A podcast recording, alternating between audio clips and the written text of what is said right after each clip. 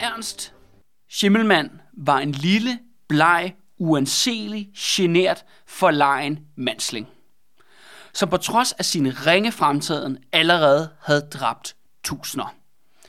Afrikanere var blevet slagtet for at realisere hans planer i Afrika, og igen mange andre afrikanere var blevet mishandlet og arbejdet til døde på hans plantager i Vestindien. Selv havde han 20 sorte slaver omkring sig i sit gigantiske palæ i hjertet af København. Men ikke alt gik efter hans planer. Han havde lige fået nyheden om, at kronprins Frederiks mor, dronning Karoline Mathilde, var død i Tyskland, grundet en pludselig sygdom. Ernst kupplaner imod enkedronning Juliane Marie var slået tilbage til start. Nu var der kun et håb, hvis Ernst skulle til tops i det dansk-norske imperium, og det var kronprins Frederik, drengen i buret. Goddag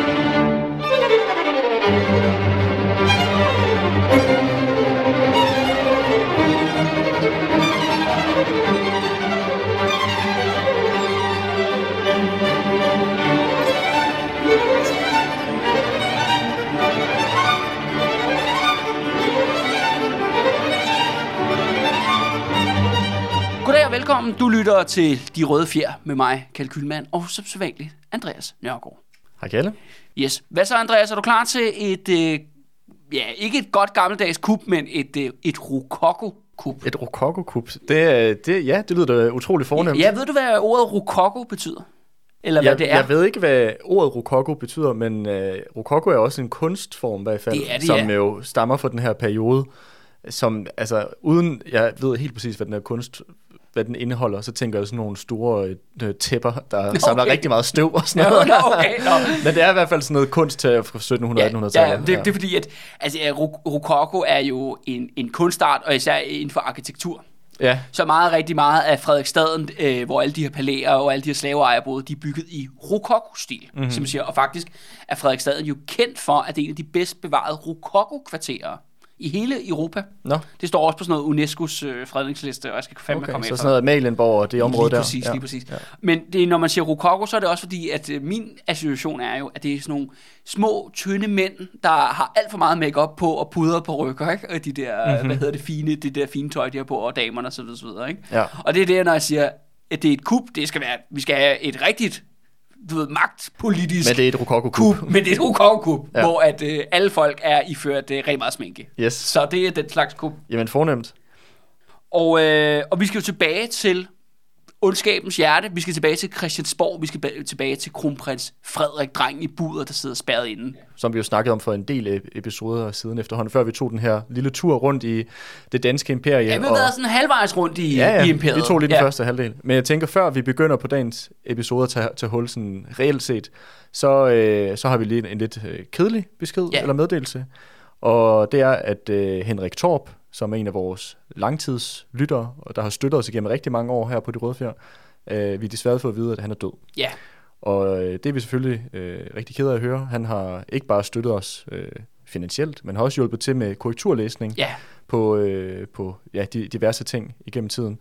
Så det er jo selvfølgelig øh, sørgeligt, at han, øh, han er gået bort. Ja, og det er jo, og det er jo folk som ham, øh, Henrik, og alle de andre støtter, vi har. Det er jo på grund af dem og deres øh, støtte, at det her overhovedet kan lade sig gøre, altså vores, vores podcast i Røde Fjer. Så det er, jo, øh, det er jo et tab, ikke bare for os, men for, for alle, alle lytterne. ja, ja, ja, lige præcis. Øh, så det er jo, øh, det er jo, det er jo træls og Ja, tragisk. ja, ja, det, ja, det skulle siges, at, øh, at Henrik var oppe i årene og, øh, og også var syg og sådan nogle ting. Men altså, det skal jo ikke være nogen øh, hemmelighed, at øh, sådan som jeg kom i kontakt med Henrik i sin tid, det var, at han, sagde, han skrev til mig, øh, fed podcast, men hold kæft, du staver dårligt. og, øh, og det har sit, øh, det har sit rigtighed, fordi at... Øh, Øh, hvis folk læser noget af det, jeg skriver for eksempel på sociale medier, så er det nok opdaget, at der er fejl her og der, og det er fordi, at øh, jeg er faktisk lidt er ordblind. Øh, og det er det, øh, Henrik har betydet rigtig meget, og hjulpet mig netop med det ved at læse rigtig mange af de tekster, øh, der er netop blevet sendt ud til folk i forskellige sammenhænge, har han læst korrektur på. Øh, Henrik var sådan den rigtig gode lytter, fordi han var, du ved, han hørte alt lortet, alt det gøjl, vi fik lavet, ikke? Men så var han sgu også kritisk. Altså, mm-hmm. mig og ham har jo haft nogle ret lange sådan, debatter, øh, over e-mail, hvor han jo netop er sådan, ah, øh, går den nu, den der Kalle Kylmand, ikke? Eller hvor, hvor, øh, hvor har du din empiri fra, ikke? Og så må jeg jo sende ham min litteraturlister, mm-hmm. for ligesom at argumentere. Og det var, det var sgu en fornøjelse. Og det var, altså som historiker og som podcast, værd at have så en engageret lytter. Mm, nogen, der, stiller, der stiller krav. Ja, ja, præcis, og det er jo også det med, at vi er heller ikke ase ved hårene, ikke? Altså, det er jo, det er jo det der med, at de røde fjer, det er jo dig og mig, Andreas, og så er det alle dem, der lytter, ikke? Mm-hmm. Og, og, og støtter og, og hjælper til, ikke? Og nu er Henrik den eneste lytter, der hjælper eller støtter til. Altså ekstraordinært mere end bare måske at give et pengebeløb. I ved godt, hvem I, I er derude, der, der lytter med. Men det er bare, jeg synes, det er bare tankevækkende, altså i forhold til, at, at okay, nu har vi alligevel lavet podcast så lang tid, at vi også har haft, at vi også har oplevet det, ikke? Ja, ja. I, i lytterkredsen. Ja. Øhm, og det er jo også, igen, jeg vil bare sige, at vi sætter jo utrolig stor pris på alt den støtte, vi får jo for folk. Ja, og som Henrik har givet i hans, yes. i hans, øh, hans år, yes. hvor han støttede os her. Ja. ja. Så tak for det. Ja, og tak for det, og ære være hans øh, minde. Yes. Og øh, derfra så skal vi så til et kup. Netop mm-hmm. et kup i 1784. Fordi som sagt, Andreas, nu har vi jo været rundt i imperiet og set øh, hvad er det, du ved, vi har først så zoomet vi ind på Christiansborg, på det her, det her fucked up galehus, hvor hele toppen af, af grænsekagen boede, altså den kongelige familie, mm-hmm. og så har vi været... Det her hus, der var øh, konstant øh, halvt i brand, og med rotter over det hele, og folk, der stod og, og knaldede ud på gangene til ja, højre og venstre. Ja, lige præcis. Ja. Et fuldstændig galehus, ikke? Yes. Og så var vi ude i, lidt rundt ude i det her imperium, for ligesom at se, med, hvem der ligesom, hvem betalte for det her gilde? Hvem er det, der betalte prisen, og hvordan var det helt derude i, i de fjerne egne, såsom ja, Afrika, Vestindien, og, og også en lille smuttur til, øh, til Island. Og øh, nu skal vi ligesom tilbage, altså ligesom der tilbage, hvor at dreng i buret, den episode, der hedder dreng i buret, den ligesom slap. Og du kan jo nok huske, Andreas, og lytterne kan nok huske, at øh, det var jo netop engedronning Juliane Marie, mm-hmm. der tog magten. Ja, som jo egentlig var... Øh hvad var det, hun var sådan en sted, en eller anden form for... Hvad, ja, hun var den onde stedmor jo. Ja, det var hun jo lidt. Men, men det sjove var, at hun var så en bedre mor, end, end han, Frederik, hun var Frederiks egen mor, men ja. hun var stadigvæk rigtig, rigtig nederen. Ja. Ingen tvivl om det. Og hun tager jo magten sammen, og hun har jo den her reciterede søn, der hedder arveprins Frederik, ja. som du nok kan huske, som jo så var en halvbror til Christian 7. Ja. Er du med? Ja, so far? Ja, ja, ja. Og, øh, og så var det sådan her, at de indsatte, fordi at Juliane Marie var jo en kvinde, og øh, arveprins Frederik var jo handicappet, så derfor har de brug for selvfølgelig en anden til ligesom at styre day-to-day business, og det blev jo netop ham her, øh, socialpædagogen øh, Ove Guldberg, mm-hmm. Ove Hø Guldberg, som netop kom til at stå øh, og tage magten. Efterfølgende snakker vi jo om det der med, at Frederik var spadet inde på sit værelse. Men, og så lige så langsomt kunne han komme lidt mere fri, men han var stadigvæk altså en fange, og alle vidste, at han var en fange. Og hele den periode, mens han er, ja, render rundt der, og han bliver jo så, ja, får sig en ven igennem ham der, Johan Bylov, som jo den her løjtnant, der bare sådan re- totalt random bliver hivet op jo og bliver sat til at passe på kronprinsen. Men mens alt det her foregår jo, hvor er Christian 7. hen? Altså egentlig ham, der jo faktisk er den enevældige konge af Danmark. Ja. Som, som jo er øh, Frederik den 6. far. Ja, og som afrikaner har sværet troskab til, og ja. saver er blevet øh, mishandlet til døde i hans navn, og så videre, så videre ikke? Og, og, og embedsmænd har fucket op, du øh, islænding, der er ved at dø af sult i hans navn. Ikke? Mm-hmm. Men hvor er han? Ja, hvor er han? Han er på sit værelse. Ja. Og det er sådan faktisk, at øh, det er, det kan godt være, at, at øh, Kronprins Frederik er dreng i buret, men hold kæft, jeg skal lige love dig for, at Christian 7. han er, han er manden i buret. Fordi han kommer, han kommer endnu mindre ud, faktisk. Mm-hmm. Det bliver faktisk sådan, at øh, altså pagerne, tjenerne der på slottet, alle får forbud mod at tale mod, med ham. Okay, så er det sådan en helt isolations... Fuldstændig. Han er i total isolationsfængsel, og han er simpelthen badet inde i det her værelse 24 timer i døgnet. Der er døren låst ind i sin, sin gemakker. Ikke? Og når tjenerne, de kommer selvfølgelig og skifter sengetøj, og han får noget rent tøj på, og noget at spise osv., osv. Men de må ikke tale med ham. Hold da op. Og nu skal vi huske på, at øh, Christian er jo syg. Ja, ja, han er, han er psykisk syg. Ja, han er psykisk syg. Og han får det selvfølgelig kun værre. Det er jo klart. Igennem sådan Sel- Selv hvis ikke du var psykisk syg, ville du jo blive det. Christian 7. han kommer kun ud en gang om ugen faktisk, og det er, når han skal i det, der hedder statsrådet. Mm-hmm. Og statsrådet er ligesom, det er et kabinetsmøde, kan man kalde det. Det, det er sådan et regeringstopmøde, hvor selvfølgelig det er Ove Guldberg, der ligesom styrer løjerne. Han har en masse øh, forretningsdagsordner, de skal diskutere eliten. Og Juliane Marie og afprins Frederik er der også rigtig tit. Okay. For ligesom, fordi de regerer jo lidt i deres navn. Ja, ja. Altså man kan sige, det er jo, altså, hvis man skal, hvis man skal skære det lidt uh, firkantet ud, så er det jo Ove Guldberg og enkedronning Julia, Juliane Marie, der rent faktisk kører biksen. Ja. Men de gør det jo igennem afprins Frederik, som jo er jo lidt deres... Legitime... Ja, altså deres... Øh, han, det er jo dem, der... Det er jo, de reagerer igennem ham, fordi han selv er sådan en puppet, altså mere ja. eller mindre. Og ej at forglemme Christian 7. underskrift. Ja, Og det er derfor, han blev hævet ud til det her statsråd. Det er, at han sidder fuldstændig tavs, og han- de beskriver ham. De bruger jo ikke ordet robot i 1700-tallet, men det er det, han er blevet. Mm-hmm. Han er bare sådan en, han sidder fuldstændig tavs, kigger ud i luften, og så siger de, jamen nu skal vi øh, beslutte, at øh, bønderne skal betale mere skat. Skide god idé, det mangler vi noget af. Så skal vi selvfølgelig have en underskrift for, at det bliver for lov, og den kommer så ned på foran Christian 7. Og så skriver han bare under, helt automatisk. Okay. Det er bare noget, han Bare gør. sådan en refleks. Fuldstændig. Og du skal tænke på, det er jo ja, en psykisk syg person, som jo så er blevet mega ødelagt jo, mm. af det her massive isolationsfængsel. Ikke? Men det er sådan lidt sjovt, det at hele magten udspringer jo af hans underskrift. Fordi det er sådan, det bliver til lov jo. Mm. Det er sådan, det bliver til dekret, selvom at det er selvfølgelig Ove Guldberg og, øh, og Jan Marie har bestemt hele teksten. Ja, ja. Men det er stadigvæk hans underskrift, og det er det eneste tidspunkt, øh, han kommer ud. Det andet er så også, at den her øh, regering, øh, den er jo pro-dansk. Det er meget ironisk, det er den første sådan pro-danske regering, vi overhovedet har i Danmarks historie. Sådan i, i form af netop af, skal vi sige, dansk øh, sprog og dansk kultur. Ja, for jeg, jeg tænker også, at når du siger sådan pro-dansk, så er det vel også sådan lidt sådan moderne briller. Altså det, Ja. der, det der med, at det er ligesom dansk... øh, Første gang, at der er en, måske en regering, der er sådan bevidst udtalt, har et eller andet form for ønske i at fremme en eller anden form for dansk national sindelag eller andet. Eller, eller hvordan tænker du? Det, det, de hviler sig på, er netop det, det danske borgerskab. Okay. Handelsborgerskab, der er kommet frem jo især i København, men også den gamle danske godsejeradel. Alle dem, som egentlig faktisk har været i opposition til enevælden, mm-hmm. dem begynder de nu at henvende sig til og lave en række lovgivning, der ligesom til gode ser dem. Og dem, de står støder fra sig, det er den, den gamle tyske internationale kosmopolitiske... Ko, hvad fanden er det, det hedder? Kosmopolitiske... Det. Kosmopolitiske? Ja, tak. Kosmopolitiske øh, tysk-talende elite, Okay. som er en af dem, der har haft magten i Danmark under hele enevælden. Mhm. Mm-hmm. Og de er også en generelt en totalt reaktionær regering. Der kommer ingen reformer igennem. De vil bare have, at alting skal være, som det plejede. Du ved, slaverne på landet, slaverne i kolonierne osv. så Ingenting skal laves om. Men en anden ting, de for eksempel får indført, som er ret interessant, er, at de får indført det, der hedder indfødsretten. Ja, Det hedder det sådan set stadigvæk den dag i dag, jo. Og hvad, hvad, hvad, hvad, hvad er det, du er ude på? Prøv at forklare det. Jamen altså, det er jo faktisk en form for statsborgerskab. Mm-hmm. Øh, hvor indfødsretten, det handler om, at man skal være født i imperiet for at få højtstående embeder. Okay.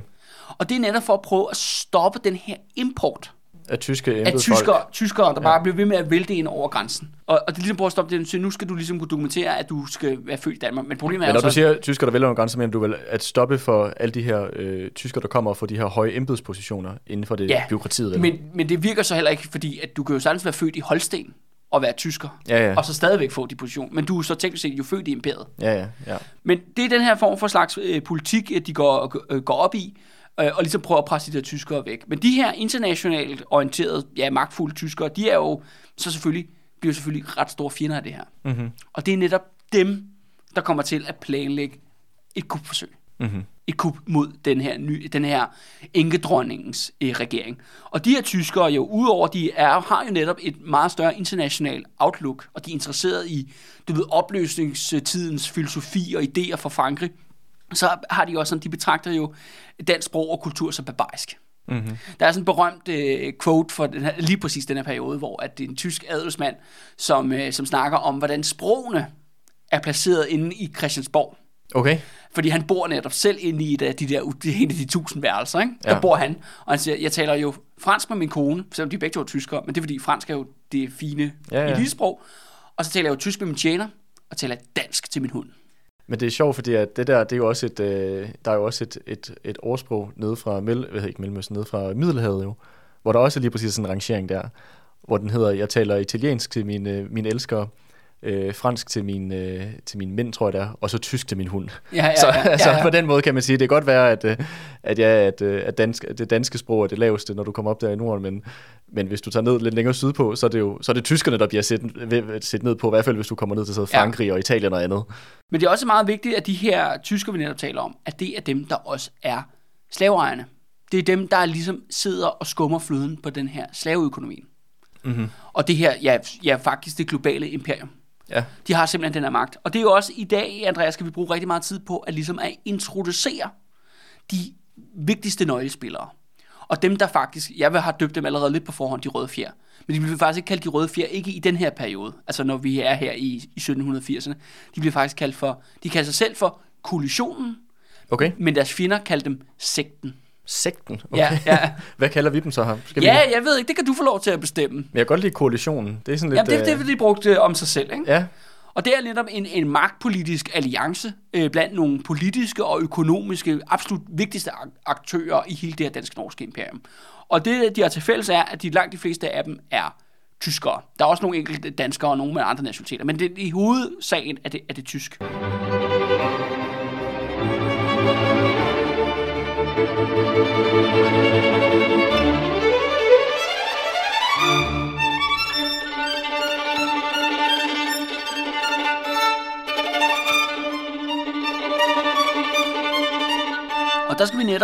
Netop introducere den første og nærmest den mest afgørende, vil jeg sige.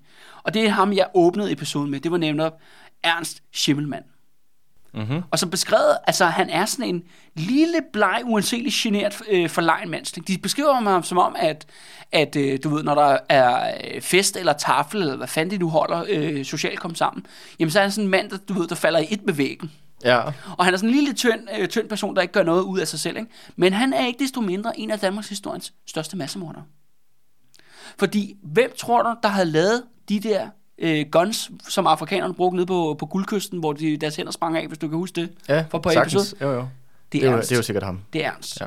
Hvor tror, hvem tror du, der købte allerflest slaver på slavemarkedet St. Thomas? Det var Ernst. Det er Ernst. Det er alt sammen Ernst. Han er simpelthen nøglespilleren inden for den her slaveøkonomi i Danmark, øh, eller det dansk-norske imperium. Og øh, lige kort om hans baggrund, altså han er, hans far var netop en af de her importerede tyskere. Mm-hmm. Kom ind og fik en strålende karriere under Frederik den 5. Øh, og kom ligesom til tops. Og Ernst ejede, øh, du ved, ejede så hele i, i, imperiet. Og øh, han øh, sidder simpelthen i toppen der, og han har altså et kæmpe palæ i midten af København. I dag hedder det Otfello Palæet.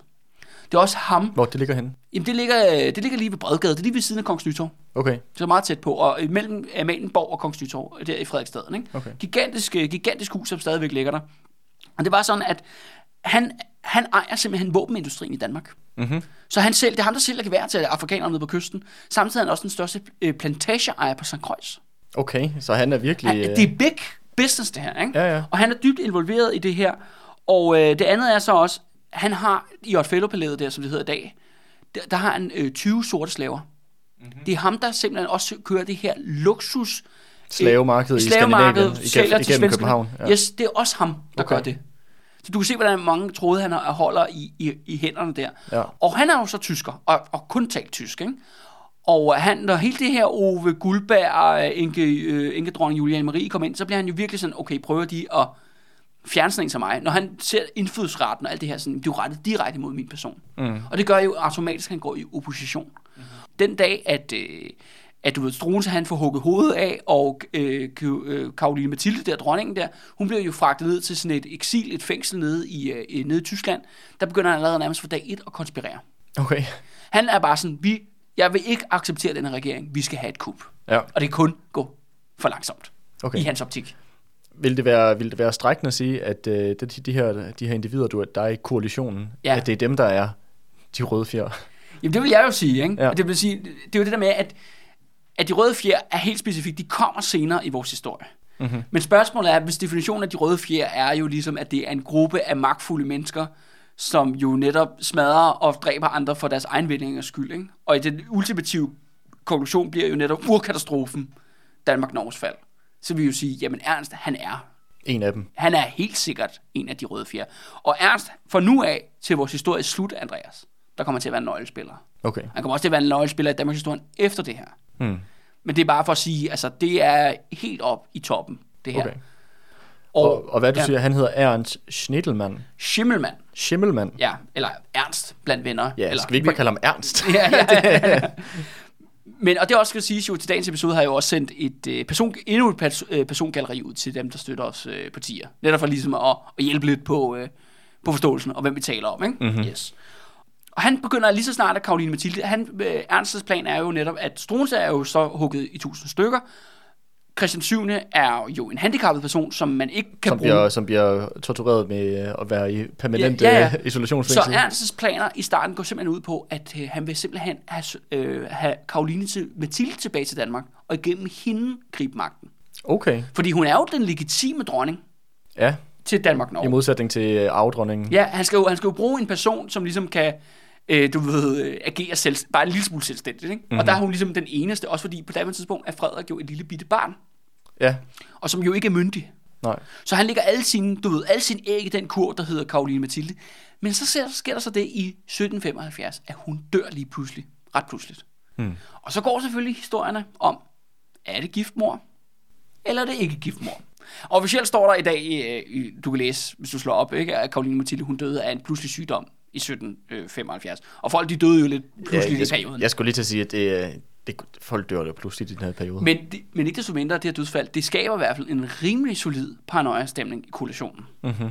Om hvorvidt at Ove Guldberg og Juliane Marie, de simpelthen tager op modstandere ud af dem selv igennem, altså gennem ved at forgifte folk. Ikke? Jo, jo. Og det betyder så, at Ernsts øh, øh, planer, de strander.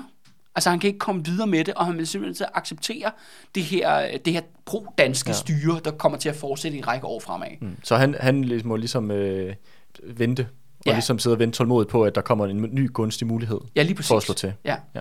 Og det bringer så til at introducere den næste. Han hedder sjovt nok også Andreas. Mm. Smuk navn. Ja, ja. Han hedder Andreas Peter Bernstoff. Okay. Han er også tysker. Ret interessant. Og han er selvfølgelig også importeret. Det kom sig af, at hans onkel, han var simpelthen øh, øh, diktator under Frederik den 5. Og når du siger, at han var diktator under Frederik den 5., hvad vil det så sige? Ja, han var Struense.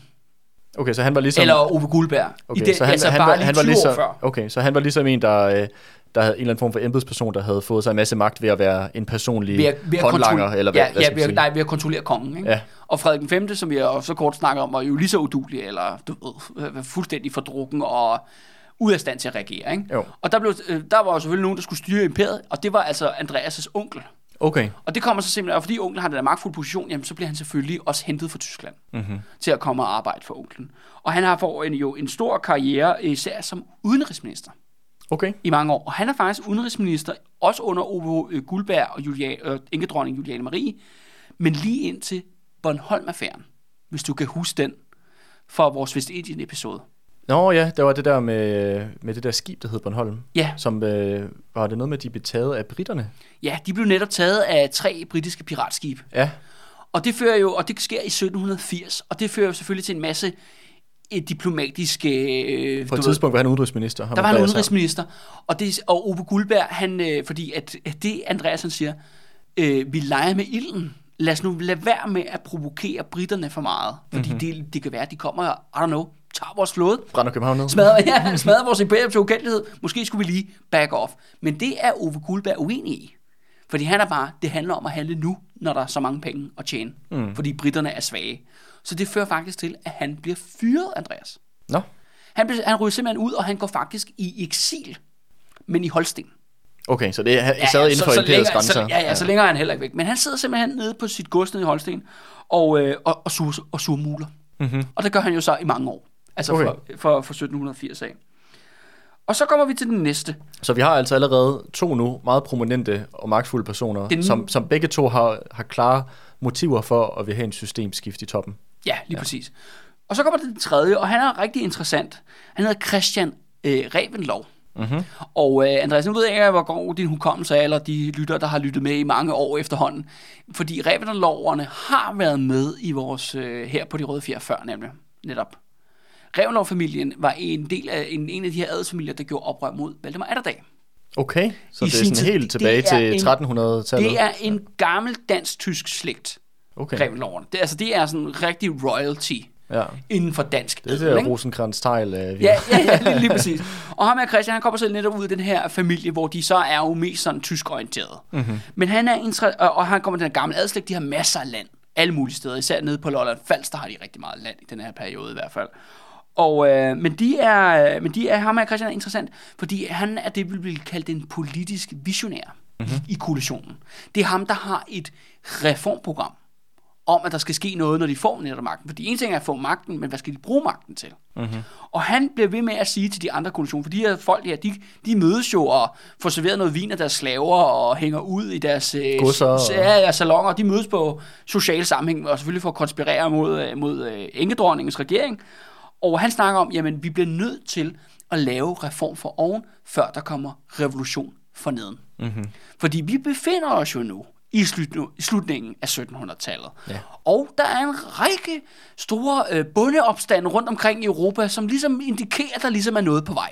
Men jeg vil sige, det er jo ikke bare, det er jo ikke, det, er jo ikke bare kun bundeoprør. Altså, du har haft den amerikanske revolution der i, øh, hvad er det, 1770 på Ja, det tidspunkt. 1776, der begynder Ja. det, ikke? Og, så, og så, jeg ved ikke, om vi er nået hertil nu i, i vores tidslinje. Vi er der ikke helt Men endnu. vi er også lige på nede på til den franske revolution, jo. Ja, lige præcis. Ja. Ja, så det er, jo, det er jo en revolutionens tid. Med, er op, med, med opbrud og oprør. Og det har netop ham her Christian virkelig fokus på og, og tænker meget over. Og han siger, jamen, hvis vi griber magten, så bliver vi nødt til at lave om i vores økonomi. Og simpelthen prøve at, at gøre det til en, en, en, du ved, en bedre forretning, simpelthen. Fordi at den danske stat er også i tynget af en enorm gæld, mm-hmm. som man ikke kan komme af med. Og der kigger man til Frankrig, som bliver mere og mere upolitisk ustabil, og de har vold meget gæld. Mm. Og han tænker, der, uh, der er noget der, det skal vi, skal vi fikse. Så han er meget optaget af de her forskellige oplysningstanker. Men det er vigtigt at understrege, også hvordan han bliver sådan portrætteret i mainstream-historie i dag. Fordi han er jo hovedarkitekten bag det, der hedder landbrugsreformerne, som vi kommer Okay. på et senere tidspunkt til. Hvem er det, Danmark har så meget gæld til? Eller den danske stat har så meget Jamen, gæld til? øh, det er jo især hollandske banker, Ja, er meget prominent, øh, og det er jo noget at gøre med, at man har den der kæmpe flåde, og man har en kæmpe her, og man har et internationalt imperium, som skal, globalt imperium, som skal forsynes. Og så har du en, øh, en retarderet kongefamilie, som er rigtig dyr drift. Og du ved, og det her øh, slotte. Og så skal det samtidig siges jo, alle de rigeste mennesker, de her tre gutter, vi lige har nævnt her, tror du, de betaler skat, Andreas? Selvfølgelig kan det Nej, ikke. selvfølgelig betaler ikke skat. Fordi det, øh, al, hele skattebyrden ligger jo netop på bønderne. Det er klart. Og så lidt borgerne, til ja, dels. ja. Men mest ja, de tabte jo også øh, Grevens Fejde, så det er jo klart, de gik Ja, ikke. ja, ja lige, lige præcis. Ikke? Og de har betalt for gildet hele tiden, øh, hele tiden. Og du har en situation, hvor at, du ved, embedsværket vokser og vokser, og kan man sige, staten bliver mere kompleks, den bliver større, men indtægterne følger ikke med. Mm. Og hvad gør man så? Jamen, så går man ud og låner penge. Samtidig har man jo en situation, så Danmark er i krig. Altså, man er jo så i alle mulige, sådan, du ved, nede i Afrika er man lidt krig og mm. rundt og frem og tilbage, og, og i VSN, så skyder man også lidt på folk og sådan noget. Men man er jo ikke full-blown krig, men man bliver jo nødt til hele tiden at have et kæmpe stort stående militær mm. og flåde. Fordi det er den eneste måde, man sikrer imperiets overlevelse på i den interne europæiske magtbalance. Ja. Ja. Det, nu nævnte du der lige med, at, øh, at de, her, de her personer, de ikke betaler skat, på trods af, at de jo er så øh, absurd rige jo.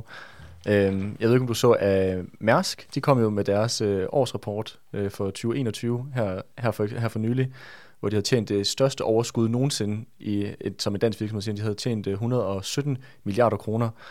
Hvor meget tror du, de betaler i skat? Er det kun et par milliarder?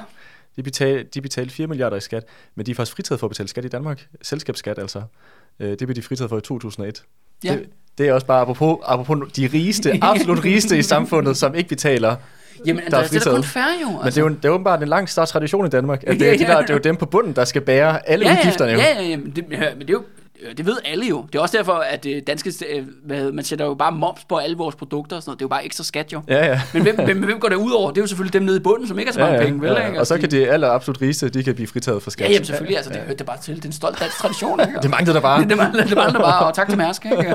Ja. Shout out til rivalerne. Ja, ja, ja, ja, shout out til rivalerne. Apropos det er også lige kommet ud jo, at uh, McKinney, han har jo solgt uh, 100.000 maskinpistoler til CIA, sådan nogle black op operations og massakre og folkemord rundt omkring i, uh, ja, i Colombia og Indonesien og sådan nogle steder i efterkrigstiden. Okay. Så det virker som om, at uh, Erik Witts ånd og uh, Arnold der, de, de spørger altså... Uh, Ja, men jeg kan høre, at vi er nødt... Det, det, det, der kommer det, det, jeg skulle lige til at sige, det altså. lyder som, at vi er nødt til at lave sådan en follow-up afsnit på et eller andet Ja, tidspunkt. lige præcis. Nå, nu lad, lad Mærsk være Mærsk.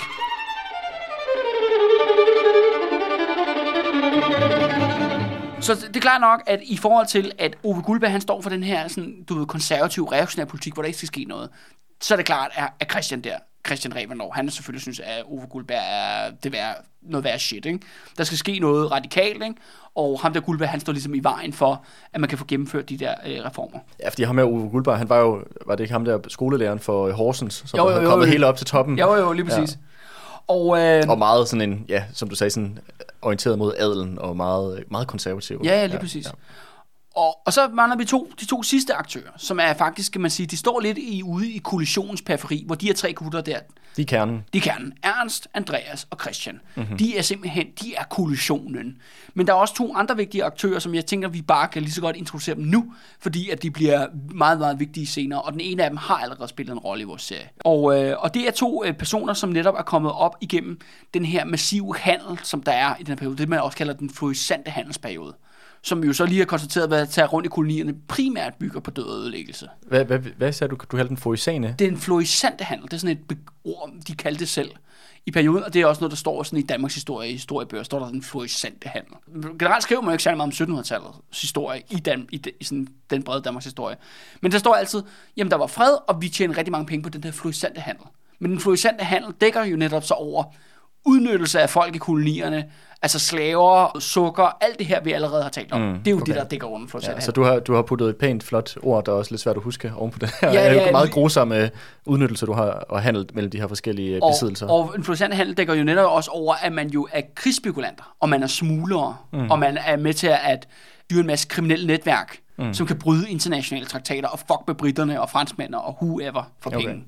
Rundt omkring hele vejen, ja, fra Indien til, til Grønland, ikke? Ja, Altså så global målestok i organiseret kriminalitet, ikke? ja. Det er den florisante handel, ikke? Okay. Og der er de to vigtigste aktører inden for det her handel.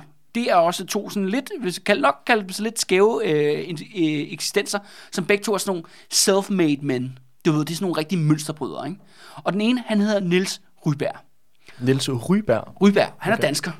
Og, øh, og Niels Ryberg, han har virkelig en, en interessant historie, fordi han er faktisk selv født som slave. Nå, Men altså ikke som Vestindiens slave, han er jo født som dansk bonde.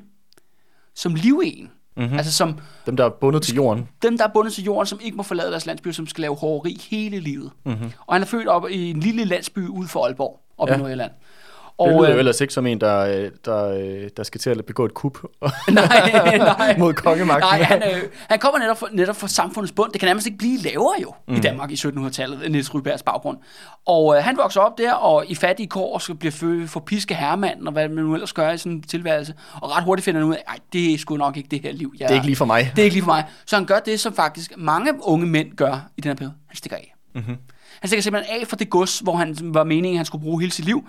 Og han flytter så ind til Aalborg, hvor han tilfældigvis har en, hvad fanden er det, hans søsters mand, som arbejder i noget handel inde i Aalborg, en eller anden lille shop. Ikke? Mm-hmm. Og der gemmer han sig så inde i nogle år, illegalt, øh, bor inde i Aalborg og arbejder der.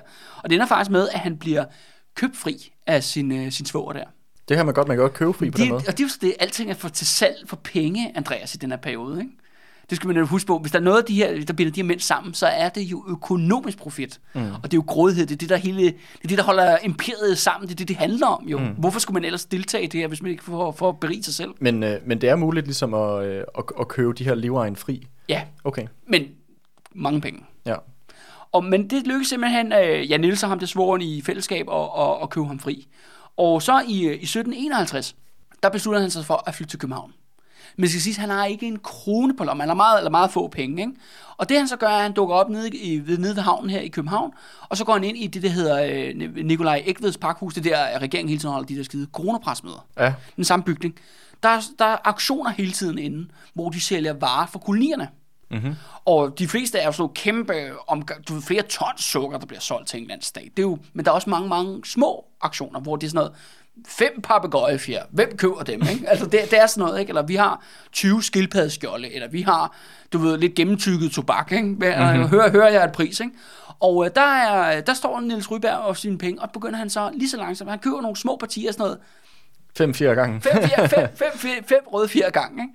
Og så det han så gør er, fordi han jo netop kommer fra provinsen, og han er dansker, det er, at han øh, opbygger et netværk af sådan provinsborgere rundt omkring i danske provinsbyer, som er sådan lidt, de er jo lidt nogle bunderøve, ikke? hvor at han lidt sådan tager fusen på dem. Han køber det billigt på auktion, og så køber han, ej, du har den her flotte, sjældne papegøjefjer, den skal du skulle da betale 12 ristaler for, eller et eller andet, mm. en, eller anden, en eller anden selvfed øh, amtmand i, øh, i Sønderborg, eller hvad Ja, fanden det så kan han være. laver, han laver ligesom en hver købmandsdrøm, det her med at købe billigt og sælge dyrt. Ja, lige præcis. Ja. Og på den måde opbygger han langsomt et imperium. Okay. Og det grinerne er, at han bliver, bet- han bliver beskrevet som stereotypen på en jyde, Andreas. Altså på den tavse jyde, ikke? Ja, han er sådan, hver eneste gang han besøger familie, så øh, sover han på en, øh, på en madras i stedet for at lege et hotelværelse. Ja, lige Og- præcis. Ja, ja. Og, og, og, han er sådan, at de, snakker også om, at øh, når de andre eliten møder ham, er sådan, men Niels Ryberg er sådan, og han siger jo ikke så meget. Han siger bare sådan, "Øh, morgen, eller hvad er det nu jyder, han nogle gange siger, ikke? uh, han siger ikke så meget, udover selvfølgelig, han er, han har bare kun fokus på profit. Og det ender med, at han kan simpelthen slå sig op og bygge et kæmpe handelshus her i København. Faktisk er hans bygning, det er det, hvor Danske Bank har hovedkontor i dag. Nå, Løbe Kongens Nytorv. Det er okay. hans bygning, hvor han jo så slår sig op og bliver en kæmpe stor kanon. Og han er simpelthen involveret i alt, Andreas. Han er med i øh, handlen på, i Indien, han er med i slavehandlen i Afrika og i Vestindien, og ret interessant er, at han er faktisk nærmest enevældig konge i lange perioder over Færøerne, Island og Grønland. Okay. Han er også en nordatlantisk aktør. Så lyder det, det lyder det som om, at han er sådan øh, op nærmest i samme kaliber som ham Ernst, i forhold til... Det er han, men han er mere en skibsmand, skal det siges. Okay. Ernst er jo sådan noget med plantager. Ja, okay. Altså ja, det er sådan ja. det der sukker Og Niels han er mere at fragte, fragte varerne rundt. fragte varerne rundt. Ikke? Ja. Og det er blandt andet, da vi, og grund til, at vi er allerede lidt har haft om ham, hvem tror du alle de der skide islandske embedsmænd arbejdede for? Det er da ham. Under Det er da ham. Niels. Ja. Det er jo Nils. Og hvem er det, når de ikke vil dele nødhjælp ud til de der... Det er Niels' nødhjælp. det fordi det er Nils' ejendom. Ja, ja. Det er simpelthen det, det handler om. Eller i hvert fald, han er en mand, der har mange aktier i det her. Ikke? Mm. Så derfor er han også interessant, fordi han er mere sådan... Han er meget også Nordatlanten, ja. når vi netop ser, hvem styrer hvad, hvor vi har Ernst. Han er sådan Afrika, Vestindien. Nils han er rigtig meget Nordatlanten, Færøerne, Island, Grønland. Og så når vi så til den sidste, som så har... Hvad mangler vi i imperiet? Vi mangler Indien. Vi mangler netop Indien, og det er faktisk en hollænder, der hedder Frederik. Okay. Eller Frederik de König hedder han. Eller Ky König, tror jeg, det udtales. Frederik de Kunik. Ja, er Frederik, ikke? Mellem, mellem os to og lytterne, ikke? Og øh, han er også en, en sjov fyr. Han er godt nok, han har ikke så en, hvad skal vi kalde det, en fattig baggrund, ligesom som Nils. Blandt, øh, han er hollænder og, og, og fra Amsterdam, og øh, du ved, er handelsmand der, Ja, som så mange men det var jo også en af de, de ledende handelsbyer på det tidspunkt. Det er det. Men det grinerne er, at så mange penge er han åbenbart heller ikke, fordi at øh, han bliver ravet ud i sådan en ulykkelig kærlighedsaffære. Det skriver han i hvert fald selv i sin egen øh, minibiografi. At hvor han ligesom, at han vil gerne have en, en, en lækker dame, en lækker hollandsk dame, men problemet er bare, at hun tager ikke ham, hun tager en, der har mange flere penge end ham. Nå, Så han, er bare, han bliver sådan forbitret, mm-hmm. skriver han selv. Og sådan, Aldrig igen vil jeg trædes på. Jeg bliver nødt til at bare lave mig en kæmpe formue. Og så derfor så vælger han at sige, jeg vil væk fra, han er også blevet til grin jo i hele Amsterdam. Fordi han har været nede på knæ, ikke? Og så hun sagde, væk, du dur ikke, du er for fattig. du er for fattig, du er sådan en fattig røv, dig gider ikke. Så han simpelthen siger, ej, jeg kan simpelthen ikke holde ud af, det er så pinligt at være her i Holland. Ikke? Ja, ja. Når, han, når han går ned gennem gaden, så peger fingre folk, ja, ja, og, peger og, folk vi, fingre og ham. vi ved jo, at hollænder, ikke, de, de, hold kæft, de slader, ikke? Altså det, så det, så der, der kan han sgu ikke være mere. Så han, selv, han tager simpelthen tilbløkkerne op og flytter til København. Okay. Og slår sig ned her. Og faktisk første er, at han gør, at han springer ombord på en båd til, øh, til de indiske kolonier. Mm-hmm.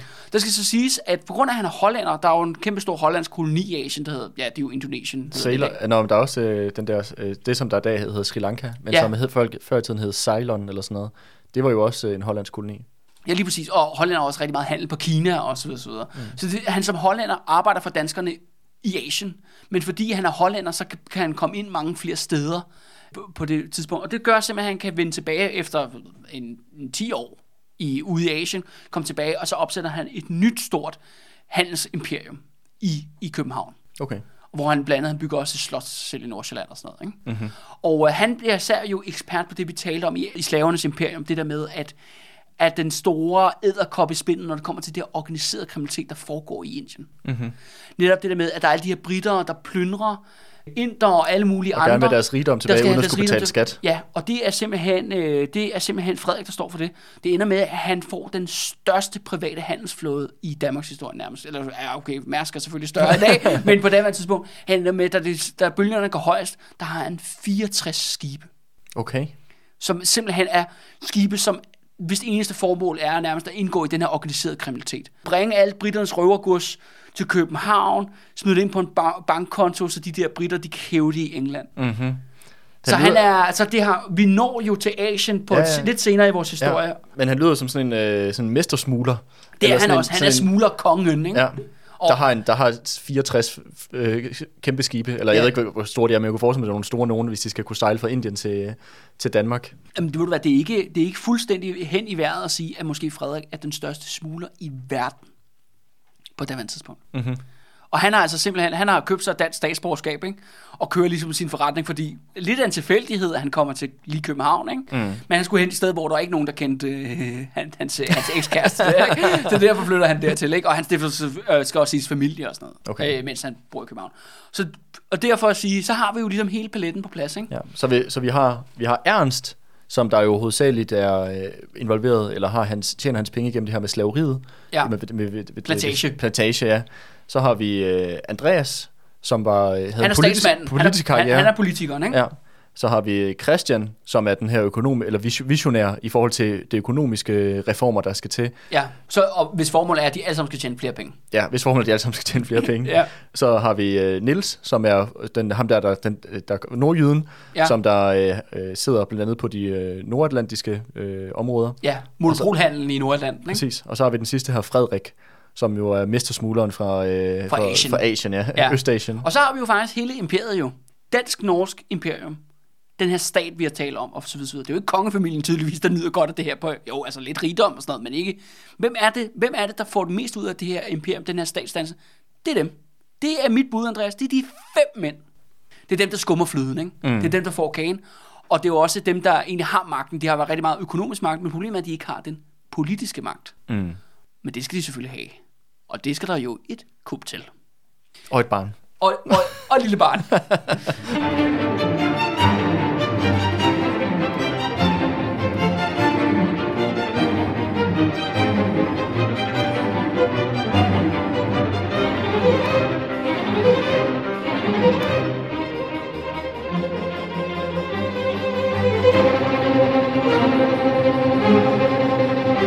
folk, de sidder jo selvfølgelig og snakker om, hvordan fanden skal de komme af med ham der Ove Guldberg, hvordan får de magten og øh, Juliane Marie.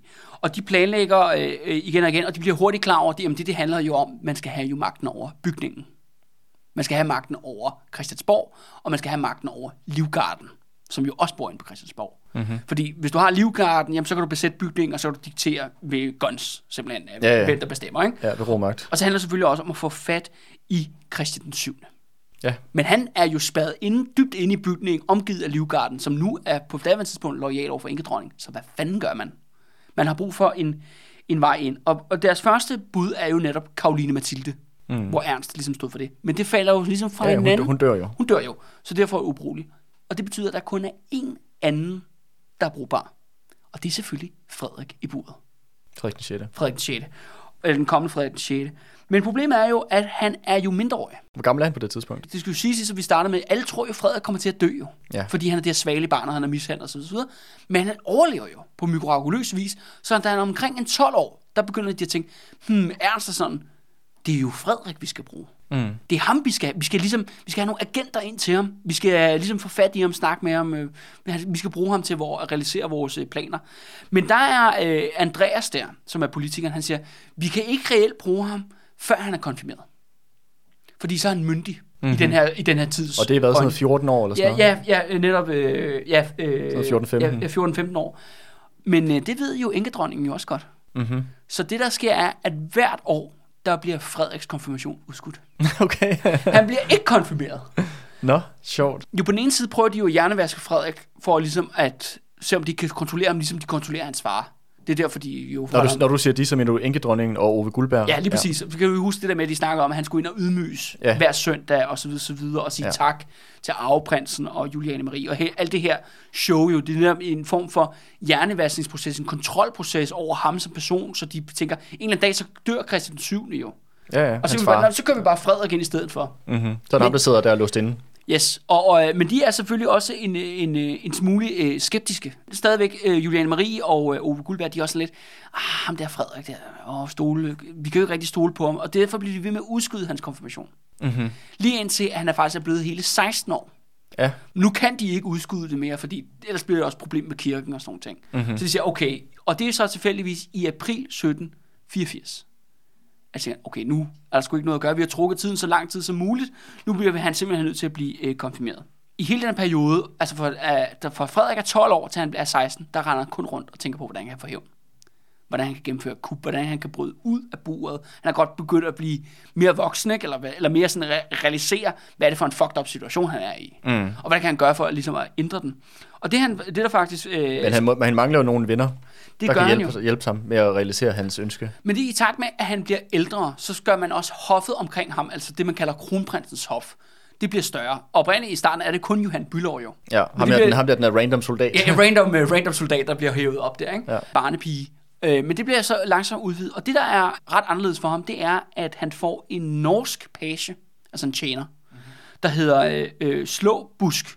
Slå busk? Ja, ja, eller Slåen, Slåen Busk. Men fordi de alle sammen taler tysk, så bliver det selvfølgelig til øh, Schlanbusch. i stedet for, ikke? inde på, øh, på slottet. Og, øh, og ham her nordmanden der, han er jo sådan meget, Frederik, vi bliver nødt til, du bliver nødt til at lave kup. Og det er jo allerede, det skal siges, om at noget er under opsejling, er noget, der foregår i mange år. Der er rygter i København, nærmest fra 1775 og frem til 1784, om at der, der kommer kup i morgen. Okay. Så det er lidt sådan en, det er en offentlig hemmelighed, Ja. at det her foregår. Og det er, fører også til virkelig, at det bliver, øh, der er simpelthen spioner overalt. Enkedronning og Ove Guldberg her, der er spioner overalt. Og selvfølgelig koalitionen mm. har, eller sekten, som Ove Guldberg kalder dem, ikke? Og han mener, kalder dem sekten, fordi de alle sammen er tyskere, mere eller mindre. altså, Der er lige, der er lige på nær Niels og Frederik. Ja, ja, der, der er jo ikke nogen, der helt passer, men de kalder dem også sekten, for ligesom at sige, at de er ligesom en, en, en, Det er jo noget fordækt. en fordækt, en religiøs, nogle mm. kætter, ikke? Ja. Altså, sådan, det, er sådan, det, det er sådan, de mener det. Ja, der er jo tydeligvis en negativ ladet. Ja, ja. Ja. Og så de her lurer på spioner for hinanden, og det er jo virkelig, altså, det er jo ikke for sjovt det her, skal det siges. Fordi at hvis det bliver afsløret, at de er spioner, så, bliver de, så vil de få samme skæbne som Struense. Mm. Altså, blive skåret- Ja, blive skåret tusind små stykker offentligt. Eller også det andet er jo hele den her rygter om giftmor. Og i den her situation, der begynder ham, øh, ham der, den, nordmanden der, den norske page. Slå en busk. Jeg slår en busken der. Det er Frederik, for, øh, han hører også rygterne til sidst, om at der er de her folk ude, ude for bygningen Der gerne vil lave et kup. der gerne vil lave kup. Og hvordan fanden man kom, øh, får kontakt til det? Og den måde, de gør det på, er at simpelthen slå en bus. Han lige pludselig siger, ej, hold kæft, hvor er jeg syg. Ej, jeg er simpelthen blevet så syg. Jeg bliver nødt til at have noget sygeoverlov, så jeg kan komme ud af bygningen. Fordi ellers må han ikke forlade bygningen, jo. Nå ja, det er klart. Ja. Så de får simpelthen fikset, at han skal på et øh, kurophold i Holsten. ja. Og hvem opsøger han i Holsten? Jamen, der opsøger han selvfølgelig Andreas der, der Ja. er på sit gods, og Ja. siger, kronprinsen vil rigtig gerne lave et kup. Mm. Andreas han siger, jamen det vil jeg også gerne, men du bliver nødt til at vente til du bliver konfirmeret. Vi kan ikke gøre noget, før at du ligesom er kommet ind og fået en plads i statsrådet. Og det er jo også det, når han bliver konfirmeret, Frederik, så skal han jo netop som kronprins sidde med i det der statsråd, det der ugenlige møde. Okay, så det vil sige, for, så det der med, at når han bliver konfirmeret, så er det jo ikke bare, at han bliver myndig i sådan mere abstrakt forstand, det er også, at alle hans øh, for, forpligtelser øh, i både negativ og positiv forstand, at de ligesom, så skal han til at ud og, øh, og ligesom udleve dem på Ja, en han skal være en del af, fordi han er jo, fordi han er jo kronprinsen, så skal han også være en del af regeringen. Præcis. Altså selvom det kun er nærmest, det er kun, han skal bare sidde der. Ja, ja, men det, han begynder ligesom at indtage hans poster, når han er Ja. konfirmeret. ja. Okay. Det er simpelthen det, der er ideen, og derfor er alle sammen vendt, vendt på, at han, øh, at han skal gøre det. Men det andet er jo så også, og det er jo det, koalitionen frygter hele tiden. Han er jo sådan set totalt kontrolleret af Juliane Marie og Ove Guldberg, og de frygter jo hele tiden, hvad hvis de myrder ham? Mm. Hvad hvis, hvis de forgifter ham? Og det forklarer måske, hvorfor han har spist alt det der øllebrød, Andreas. Ikke? Fordi at det, det smager så dårligt, at folk tænker, at det er nok forgiftet i forvejen. og det ret grinerne er, at det Frederik gør, er, at han spiller dum. Ja, Han laver simpelthen en Hamlet, hvor det her klassiske Shakespeare-eventyr, hvor netop prinsen af Danmark, han spiller dum for at overleve. mm. Og det skete så faktisk også i virkeligheden, bare i 1700-tallet. Altså så han spiller dum over for øh, Juliane Maria og Ove Ja. Guldberg, for ligesom at, at ned, ned, nedtone den trussel, han er, de eller hvad? får et indtryk af, at han er også psykisk syg. Okay. Øh, ligesom Christian. Altså ikke, selvfølgelig ikke på samme niveau som Christian, Nej, nej. men mere som arveprinsen. Ja. Arveprins Frederik. Den familie, alle mændene er jo... De, Ja, ja. Altså, de er alle sammen helt skudt, ikke? Jo. Så på den måde siger han, "Nå, men det er jo meget naturligt. Æblet falder ikke langt fra stammen, ikke? Mm. Så Men- han prøver ligesom at underspille, at han egentlig har i gang med at pynse på. Ja, og han er, har godt lidt planer selv, Præcis. og, og, han er, ja. og han er en, ja, mm, ja, han er jo så ikke helt normal, skal det siges, men... Ja, ja men- han, han har da fået nogle riser i lakken med den der opdragelse, han har sige. fået og sådan noget. Men stadig, altså, han, tydeligt- han ned, nedtoner hans, ja, hans han holder øh, kæft, snille. han holder kæft og lader som om, han ikke forstår, hvad der foregår ja. omkring ham. Men det er også det, for eksempel Johan Bylov, han siger jo, og begynder at frygte for fremtiden, fordi i den her periode er, han siger, at, at Frederik, han begynder at blive så, han bliver netop, netop som en robot, ikke? Han bliver hård, ikke? Han bliver hjerteløs, ikke? Og det eneste, han bruger al sin tid på, det er, at han bare træner hele tiden til at være soldat. Mm. Det er det, han er fuldstændig besat af, han gør hele tiden. Ikke? Men det er også det der med, at Frederik er jo en overlever. Altså han har overlevet den her umulige, sindssyge barndom. Så han er jo fuldstændig lukket om sig selv som en skal. Ikke? Men det er også sådan unikt det der med, at du har en 12-årig, eller okay, ja, en 14-15-årig, som bliver involveret i, i et statskup, hvor alting er på spil. Altså alles liv er på spil, og den her 14-årige holder sin kæft. Jeg ved ikke, hvor mange 14-årige du har mødt, Andreas, som er i stand til at holde sin kæft. Om du- noget. Men ja, og hvis du fortæller dem en, en eller anden meget, meget farlig hemmelighed. Ja, ja, de vil jo øh, råbe det til hele verden. Lige præcis, men ikke den her 14-årige. Okay. Han holder sin kæft, ikke? Og øh, vi nærmer os jo Det er også meget pres, der må være på meget ham. pres, men han kan åbenbart klare det. Han holder til, han, han, han klarer den, ikke? Han, han, han tager det til sig.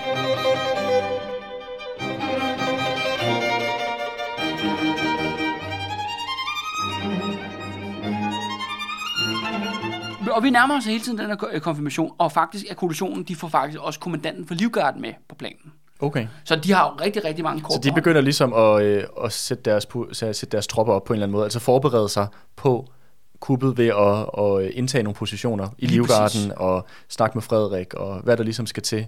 Ja. Alt det forberedende arbejde er. det, altså det er en meget, meget detaljeret plan. Der er sådan en helt udarbejdet drejebog, der handler om, at når han bliver konfirmeret, så går der, han bliver konfirmeret i Christiansborg Slotskirke. Der er jo selvfølgelig også en kirke inde i bygningen, så det ikke behøver at gå ud. Mm. Han bliver konfirmeret øh, øh, der i april, og så en uge efter, eller nogle dage efter, så skal han så være med i det første statsråd, og det er der kuppet skal foregå. Hmm. Og, og Så de der er sat dato over det hele. der er sat dato over det hele. Alt, øh, alle har nærmest fået roller, og det er nærmest som et skuespil. Alle er totalt forberedt på, hvad de skal sige og gøre i den her situation. Og de har Livgarden med, som så skal besætte bygningen og lave øvelser, og det er sådan noget med, at der bliver samlet våben på kastellet i København og forberedt fængsler til deres politiske modstandere. Alting er, du ved, planlagt til ned til mindste detalje. Men der er selvfølgelig et kæmpe stort wildcard, og det er jo Christian 7. Mm. Han er selvfølgelig ikke en, der er involveret i planerne whatsoever. Nej, nej. Men det er ham jo, der er... Det handler om at få magten over ham. Mm. Fordi ellers så går det galt. Mm. Få, få fat i ham, få kontrol med ham, og beholde kontrollen, og sørge for, at Juliane Marie og Ove Guldberg ikke kommer tilbage og får magten over ham igen. Mm. Det er jo simpelthen sådan, det foregår, ikke? Så det er ikke nok bare at have kontrollen og Frederik på sin side. Du er også nødt til at, at på en eller anden måde Det er jo stadig, Kontrollere Christ, det er Frederik- stadigvæk Christian Christian 7, der er konge, jo, ikke? Ja. Det skal man huske, ikke? Og mens alle bider negle, Andreas, alle er oppe på stikkerne, ikke? så når vi så den 14. april 1784, som bliver simpelthen, ja, det er jo så knald eller fald, hvor at Frederik er blevet konfirmeret få dage inden, og nu skal han så til med i, i statsrådet. Og øh, det er jo Ove Guldberg og Juliane Marie og Arve Prins Frederik, som alle sammen sidder til det møde, de don't suspect a thing, actually. Okay, de har ikke, nej, de har ikke Nej, øh, nej, lugtet de, lunden. jamen, de tænker om, om Frederik, han er jo retarderet, jo. Han er sådan tavs, ikke? Han er sådan også lidt mærkelig, ikke? Og det er fint, han skal bare med til mødet og gå. Det er da alligevel imponerende, at de ikke har hørt noget, fordi det virker som, det er mange mennesker, der har været involveret i det her. De ved godt, at der er nogen, der prøver at konspirere og lave kup mod, mod dem. Det skal også siges, at de får også, øh, hvad hedder det, øh, da, øh, Juliane Marie kommer af familie med øh, det preussiske kongehus. Mm-hmm. Og hendes slægtning i Preussen bliver ved med at sende, og vores agenter i København bliver ved med at sige, at øh, der, er nogen, der er noget, der hedder koalitionen, og nogen, der samler våben, og så videre, og sådan noget. Men de, Så hun ved godt, der, de ved godt, der er noget, De der er opsejling, men de ved ikke, at det er specifikt på det her tidspunkt men her. det, de tænker netop, det er fordi, de undervurderer Frederik. Ja. Og derfor de tror, at den ligesom, okay, den, den, den, er, den er sikker, den her. De tænker bare, så længe vi har Christian under lås og slå, Frederik er ikke farlig på nogen som helst måde. Og det er jo der, de begår fejlen. Det er netop, at de ikke indser, øh, hvem Frederik faktisk virkelig er. Det er der, mm. det ligesom går galt, for, øh, går galt for dem. Og så det her statsråd, at øh, de sætter sig op, og Guldberg, han er bare sådan, åh jamen, det er plan as usual, vi skal snakke lidt om, hvor meget bønder skal piskes. Helt normal øh, statsforretning, øh, som, som det plejer at være. Og han går sådan set i gang, men så lige pludselig så rejser kronprins Frederik sig op, Mm-hmm. og siger, jeg vil godt lige sige noget. Lige så snart går han op og får at sige noget, og så tænker, nå, jamen, alle tænker, nå, men det er fordi kronprinsen, han skal selvfølgelig sige, nå, fedt, jeg må være med i statsrådet øh, første dag. Men det han gør, er, at han med det samme ligger et papir foran sin far, Christian 7. Og så skriver Christian 7. under. Fordi han er bare vant til, at Ja, alle helt per automatik. fuldstændig per automatik, at alt, hvad bliver sat under, under foran ham, det skriver han bare under på. Ja. Og, bare sådan, og alle kigger sådan, holy fuck, hvad var det lige, han skrev under på?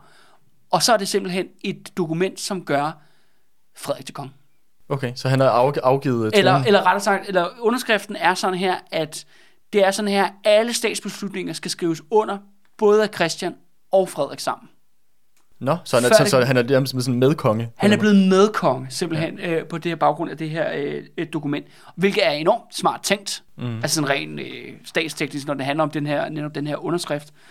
Og øh, folk kigger, og så begynder så Frederik at læse op, og så siger han, jamen, Ove skal ud, og ham der skal ud, og så videre, så videre, at de her ting skal laves om. Og Inge dronningen skal ud. Og... Ja, ja, ja, og så videre, så videre. Og i den her situation, af prins Frederik, som jo så er øh, voldsomt tabt bag en vogn, forstår måske ikke helt, øh, forstår ikke alle detaljer i situationen, men han forstår godt, at han er i gang med at blive røvrendt.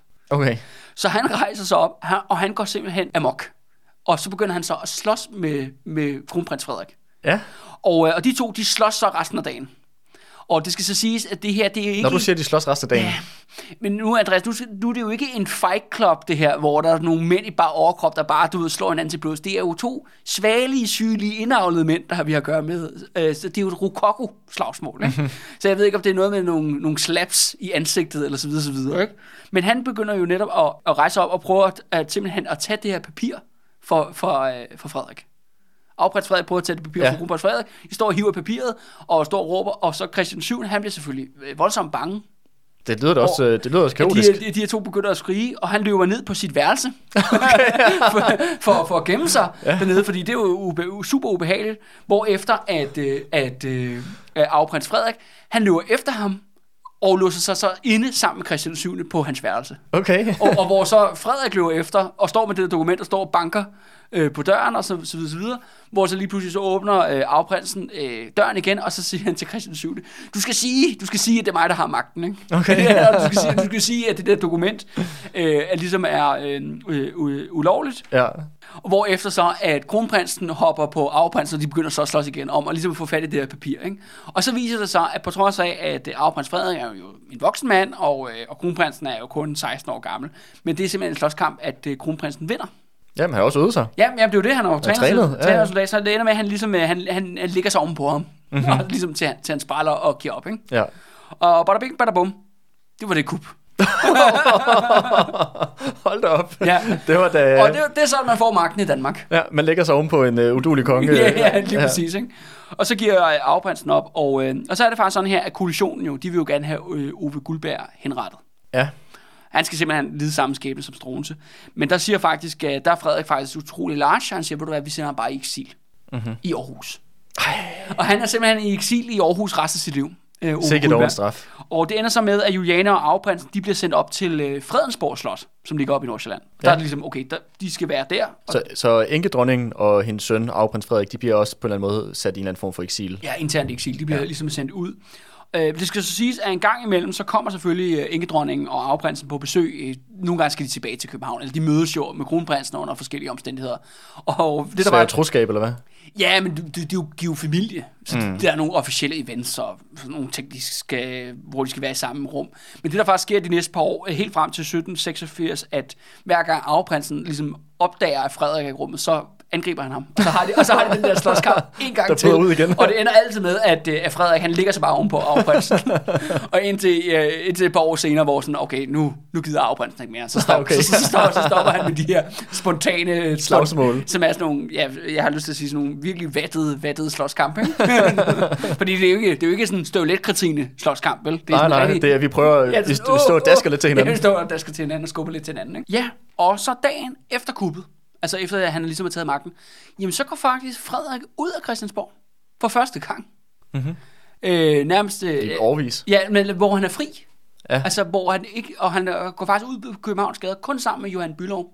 Ja. Hans, øh, hans gamle, hvad hedder det? Sengekammerat, eller hvad kalder ja, man ja, det? Værelse, barne- værelseskammerat? Ja, barnepigen der, ikke? eller barne, øh, op, hvad hedder, barnepasser. Mm-hmm. Og øh, befolkningen i København, de hylder ham faktisk. Nå. Og de får lov til at gå igennem byen, bare de to helt sådan uforstyrret, hvor alle bare råber hurra. Og det er jo fordi, som jeg sagde, det der med drengebudet, alle har jo set den her massive mishandling. Mm. Alle har jo hørt historien. Vi skal også huske, at der har været det her store trafik ind og ud af bygningen. Så alle har jo hørt det der med, at Frederik er jo blevet mishandlet hele sit liv, hele sin barndom. Mm. Og de har hørt om det der kup, og nu er der kommet en ny regering osv. osv.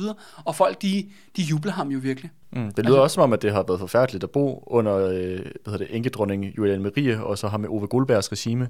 Altså, Ja. det virker, altså ærligt talt, det virker som om, at det har været et skridt frem. Nej, nej, nej, nej. Jamen, det, er jo netop, de kom til. det er det, der er netop kendetegn ved deres regering, at der ikke sker noget. Mm. Altså, der er hverken frem eller tilbage, vel? Det er bare det samme, fortsætter det samme. Men nu er kronprinsen kommet til, han er fri, han har så åbenbart popularitet, fordi han har jo den her tragiske baggrundshistorie. Og så har koalitionen jo ved magten. Andreas bliver selvfølgelig statsminister. Mm-hmm. Schimmelmann Ernst der, han bliver selvfølgelig finansminister. Ja. Og, øh, og øh, Christian Revenlov, han bliver selvfølgelig indrigsminister. Mm-hmm. De simpelthen tager simpelthen alle de centrale poster i regeringen, og koalitionen har magten. Og bare fordi, at Frederik har lavet et kup jo, så er han stadigvæk 16 år. Og hvem er de rigtige magthaver? Jamen, det er koalitionen. ja, det er Ernst, Andreas og ja, Christian. ja, forskellen er selvfølgelig, at de jo ikke mishandler Frederik. Mm. Eller spærrer ham ind. Han må godt gå ud nu, men han skal selvfølgelig gøre, hvad der bliver sagt. Mm, det er klart. Og øh, den her regering, Andreas, de har selvfølgelig det her klart, som vi startede med at sige, de har, og især øh, Christian Revenlov, Revenlov, det der med, at nu skal der fandme laves reformer fra toppen, før der kommer revolution fra bunden. Og de her, netop de her reformer, planerne og reformer, de kommer lige akkurat tidsnok, for ikke særlig lang tid efter Frederiks kup, så udbrød der nemlig bundeoprør i Norge.